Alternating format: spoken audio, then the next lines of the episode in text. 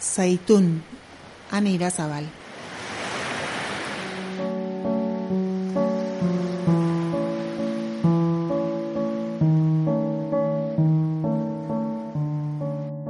Ihre Generation wird in den kommenden Jahrzehnten den Herausforderungen des 21. Jahrhunderts gegenüberstehen. Europako gobernubururik boteretsuena da eta munduko laugarren ekonomia gidatzen du. Hamasei urte igaro dira hauteskundeak lehen aldiz irabazi zituenetik eta orduzgeroztik garaile atera da boza guztietan. Baina Angela Merkel badoa. Alemaniako kantzilerrak politika utziko du eta inoizko onarpen mailarik handienarekin gainera. Berlinera iritsi nintzenetik niretzat obsesio antzeko bat izan da jendeari Merkeli buruz zer pentsatzen duen galdetzea. Kanpoan errespetua transmititzeak badu meritua, baina batzuetan irudit distortxonatua iristen da urrutira. Protektionismus und Handelskonflikte gefährden den freien Welthandel und damit die Grundlagen unseres Wohlstands.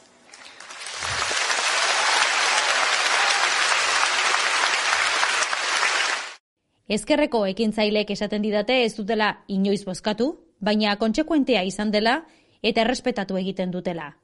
Beste hainbat hauteslek berriz, arengatik bozkatu dutelen aldiz eskuinaren alde, Merkelek ez du banaketa transmititzen, batasuna baizik.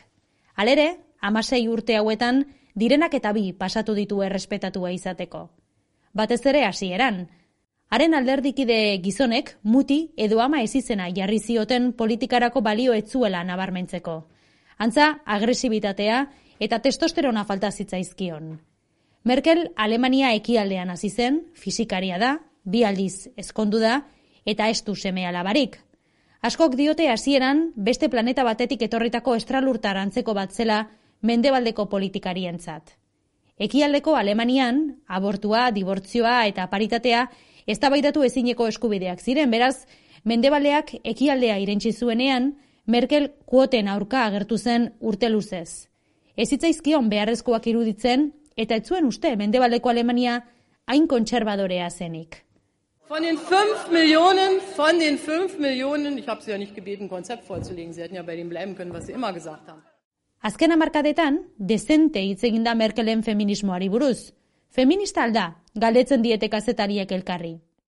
Ark, eh, demokriste guztiek bezala, ies egin du etiketa guztietatik eta ez du inoiz bere burua feministatzat jo. Orain arte.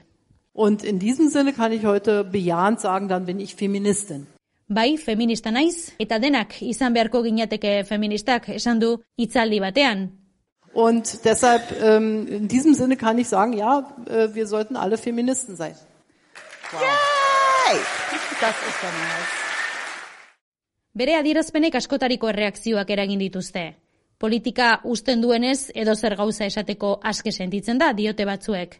Merkel beti izan da feminista, benetan feminista zela jakin gabe. Uste dute besteek, Eta kantzilerrak ez dakiz zer den feminismoa, erantzen dute azkenek. Bakoitzak, atera ditzala bere ondorioak.